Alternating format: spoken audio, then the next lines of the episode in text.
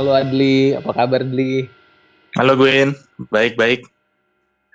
Gimana baik ya kabarnya ya? Hmm, Iya. Oke, eh, saya Gwyn ditemani oleh narasumber kita, namanya Adli Rahmat Renhoren. Gue izin ya Adli ya, gue sedikit kenalkan siapa Adli ini. Boleh ya? Hmm, Boleh. Ya, jadi buat teman-teman yang belum tahu, Adli Rahmat Renhoren ini adalah investment advisor di perusahaan Energy Investment Management BV, perusahaan dari Belanda ya, Adli. Yap. Mm, dan Adli juga cukup dikenal di lingkungan profesional muda energi terbarukan di Indonesia, jadi namanya cukup terkenal nih, Adli. Cukup beken. Not really. Not really. Nah, eh, oke, jadi eh, buat teman-teman yang mendengarkan pada kesempatan kali ini, sebetulnya kita pengen ngobrol energi terbarukan 101 lah.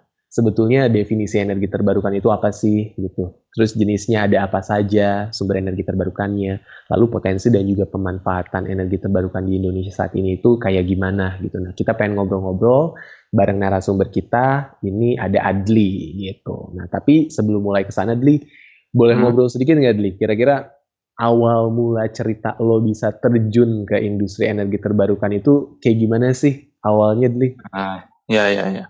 Awalnya gue, education gue waktu S1 itu pengen jadi particle physicist Gwyn sebenarnya. Nah, jadi nothing to do with renewable energy atau industri energi dalam hal apa pun. Terus eh, di akhir-akhir eh, S1 gue, gue waktu itu baca ada beberapa, tapi ada satu buku yang cukup membekas, itu Sustainable Energy Without Hot Air, which I really recommend anyone to read. Eh, itu yang nulis dosen dari Cambridge.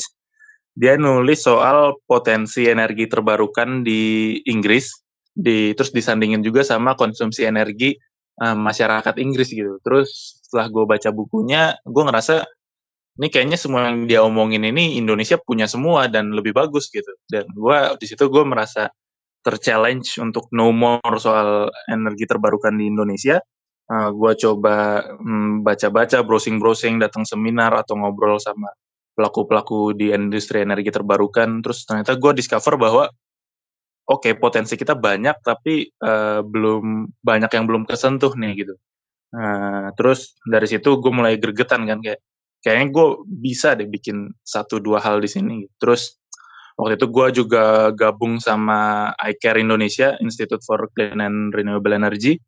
Eh, itu kita, uh, gue di situ mulai terekspos sama banyak hal lah. Gue uh, ikut uh, seminar-seminar, kelas-kelas, terus gue ikut berjejaring juga.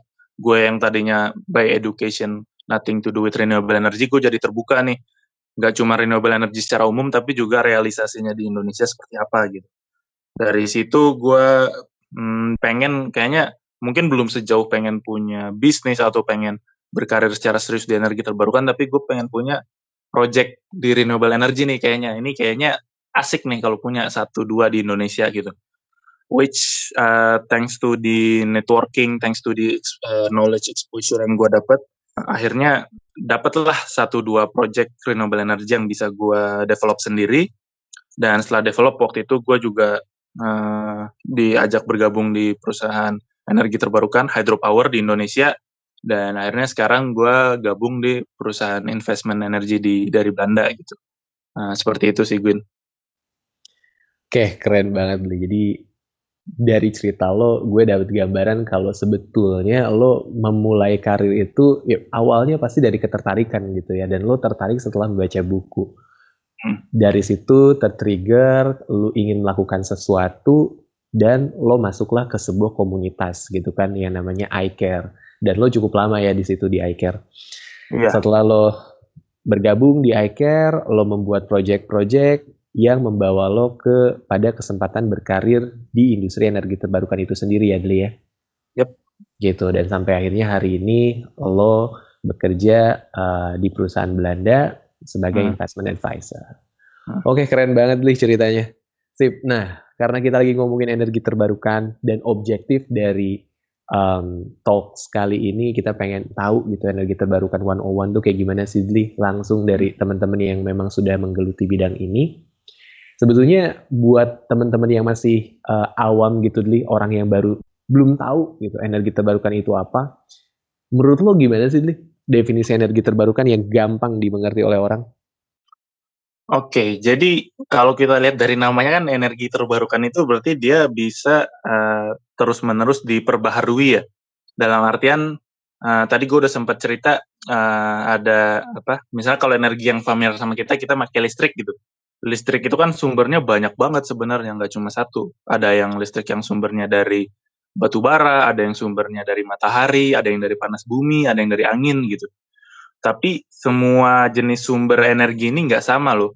Ada energi-energi yang kalau kita pakai itu sumbernya kan sumbernya itu bakal ada lagi ada lagi gitu. Beda dengan uh, sumber energi lain yang kalau kita pakai untuk dia bisa disuplai lagi itu butuh waktu lama banget. Nah, energi terbarukan ini adalah energi yang ketika kita pakai ini ya dia uh, sumbernya ini terus menerus ada gitu suplainya.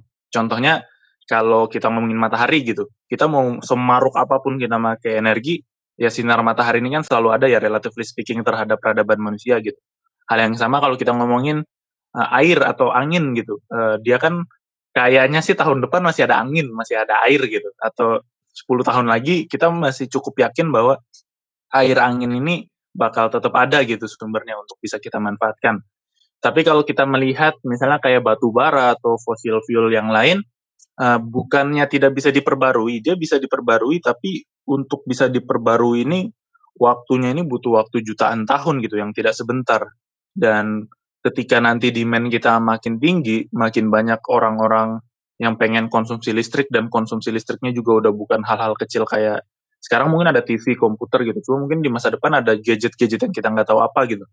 Nah ini membuat uh, kalau kita berpikir dalam skala besar, uh, kita butuh sumber yang memang uh, ada terus menerus gitu, yang terbarukan gitu. Makanya orang melihat definisi energi terbarukan ini sesuatu yang penting dan layak untuk di uh, explore terus menerus gitu. gitu. Ya, jadi dari penjelasan lo bedanya energi terbarukan dengan yang tidak terbarukan itu lebih ke uh, bahwa energi terbarukan itu sumbernya itu bisa ada terus menerus ya Dli ya.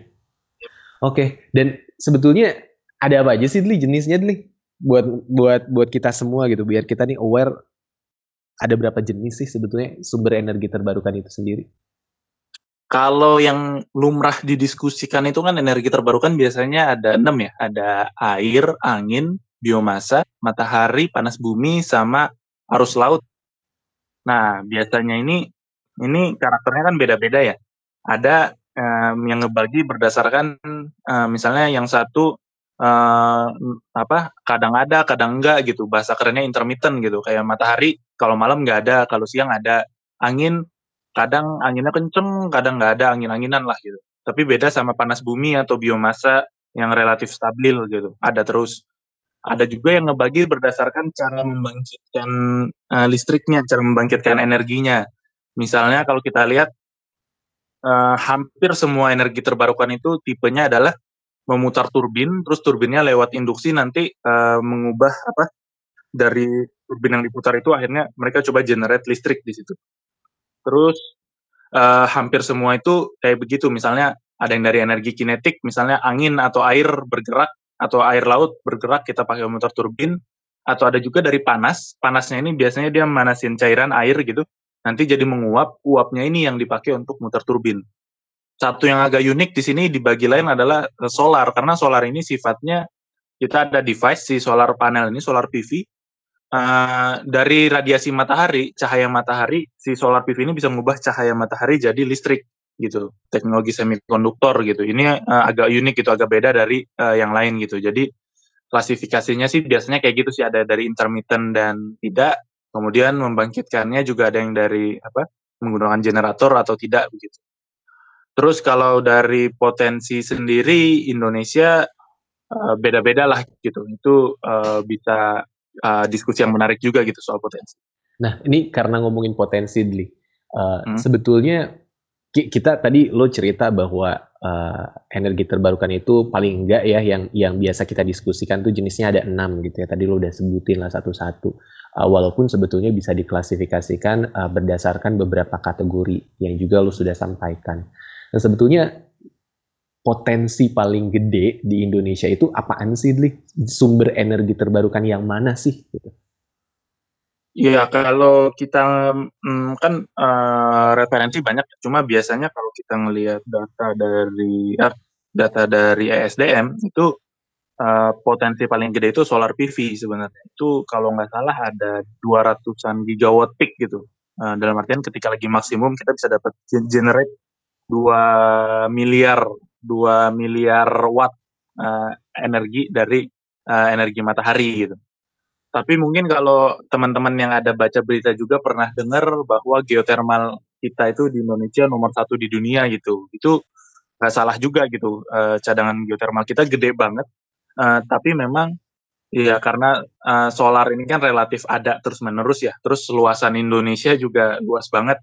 Jadi emang bisa dimanfaatin gitu. Cuma funny things-nya ternyata so far yang direalisasikan lebih banyak itu bukan solar atau geothermal tapi hydropower. Mungkin karena hydropower ini kan teknologinya cukup mature ya sudah lama di develop gitu dari zaman Thomas Alva Edison gitu. Makanya dengan teknologi yang sudah mature uh, kalangan industri ini cukup uh, confident untuk mendevelop uh, hydropower gitu. Uh, di samping pertimbangan-pertimbangan lainnya juga ya gitu. Jadi memang sekarang kalau kita lihat ngomongin renewable energy yang paling di develop itu uh, hydropower sebenarnya. Tapi kalau okay. potensi tadi uh, solar ya, uh, tetap ini. Potensi paling gede solar solar 200 gigawattan ya. Tapi hmm. uh, walaupun sebetulnya uh, Indonesia dikenal juga sebagai um, potensi paling besarnya geothermal karena kita di Ring of Fire gitu ya Deli ya. Ring of Fire. Ha. Yang menarik justru malah uh, in, installed capacity paling banyak justru hydro ya. Tapi yeah. tapi lo tadi udah jelasin bahwa ternyata hydro memang uh, jauh lebih banyak di Indonesia karena memang secara teknologi ini sudah jauh lebih lebih mature gitu ya, sudah lebih tua. Di Indonesia paling tua tuh di tahun berapa ya, Dli? Tahu nggak lo? Dari zaman ah. Belanda tuh udah ada sebenarnya. Jadi hmm, beberapa sebelum, sebelum Indonesia merdeka berarti ya? Iya, iya. sebelum namanya Indonesia udah ada. Ya. Hydropower udah ada dari sebelum ada Indonesia gitu. Jadi setahu gua sekarang masih beroperasi di Bandung itu ada juga dari tahun gue agak lupa ya pastinya cuma 1920 apa 1930-an tuh udah dibangun PLTA Dago uh, itu hmm. masih beroperasi sampai sekarang gitu uh, keren banget sih si hydropower ini memang uh, karena udah teruji dari lama ya makanya mungkin orang-orang confident juga gitu. I see. Oke okay. oke okay. tadi kita udah ngomongin uh, jenisnya ada apa aja potensi dan pemanfaatannya kayak gimana. Nah kan kita tahu nih Dli, um, hmm. pemanfaatan di Indonesia uh, kayaknya belum banyak gitu ya. Yeah. Apalagi kalau dibandingkan dari potensinya. Nah menurut hmm. lo Dli, key drivers apa sih yang bisa mempercepat pertumbuhan industri energi terbarukan khususnya di Indonesia? Uh, well, kalau kita ngomongin uh, apa technological adoption secara umum ya di suatu uh, society komunitas gitu, itu kan pasti uh, salah satu paling majornya itu kan economic driver ya.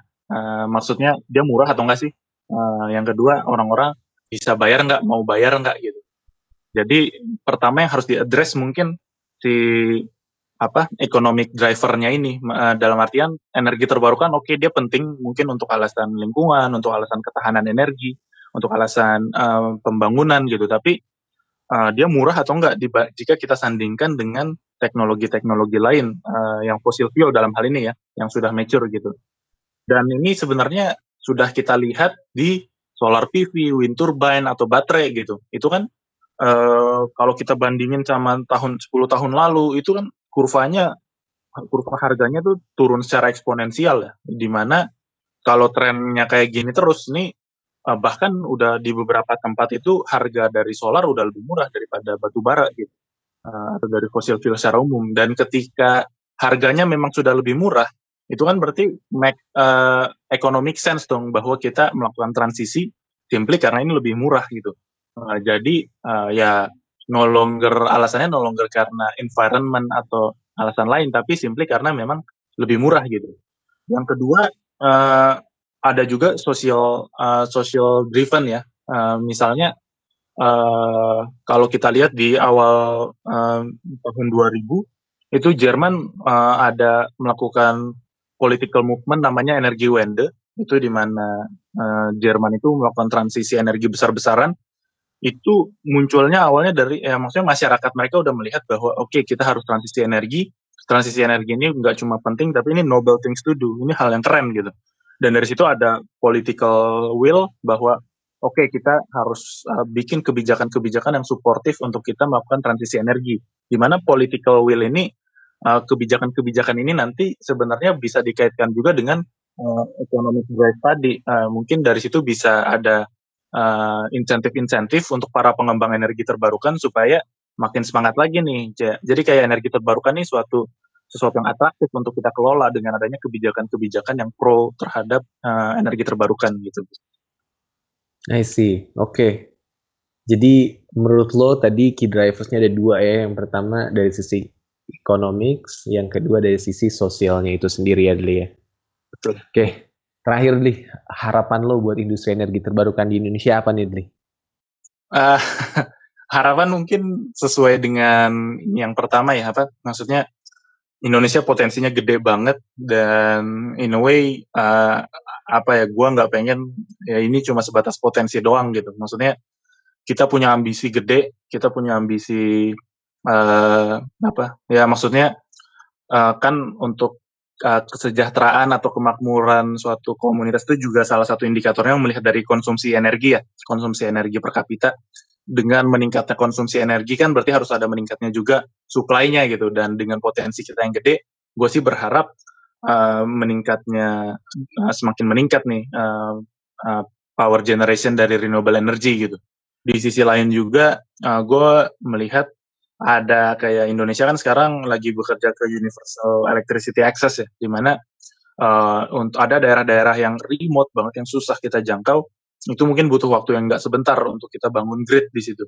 Nah, mungkin energi-energi terbarukan yang sifatnya modular, yang sifatnya skala kecil dan bisa di scale up nanti, itu kayak solar PV, itu bisa banget dijadiin solusi gitu. Jadi, nggak cuma renewable energy yang share-nya meningkat, tapi juga renewable energy ini punya impact yang sifatnya membantu orang eh, orang-orang yang sampai saat ini mungkin belum mendapatkan akses atau mendapatkan akses listrik tapi masih sangat terbatas gitu. Mungkin harapannya itu sih Gun ke depannya. Oke, Dli, mulia banget harapannya. Jadi harapannya adalah supaya supaya um, kebutuhan energi akan terus meningkat, tapi disuplainya oleh energi terbarukan gitu ya dan Betul. dan juga energi terbarukan ini bisa jadi salah satu solusi buat daerah-daerah yang mungkin belum menikmati listrik hingga hari ini gitu ya Dli ya. Oke, jadi uh, Dli terima kasih banyak buat kesempatan ngobrol-ngobrolnya uh, buat teman-teman buat teman-teman yang yang sudah mendengarkan podcast kali ini kita sudah dapat gambaran gimana cerita Adli bisa bisa masuk ke industri energi terbarukan Lalu Adi juga udah sempat cerita dan sharing gitu ya definisi energi terbarukan itu apa, jenis jenis-jenisnya ada apa saja, potensi dan pemanfaatnya seperti apa, hingga harapan-harapannya Adli. Nah, uh, sebetulnya masih banyak banget yang pengen gue obrolin sama Adli, uh, khususnya project-project yang udah pernah lo lakuin. Lo ada ada kegiatan solar agency, terus ada solar uh, palm buat um, agribisnis gitu ya.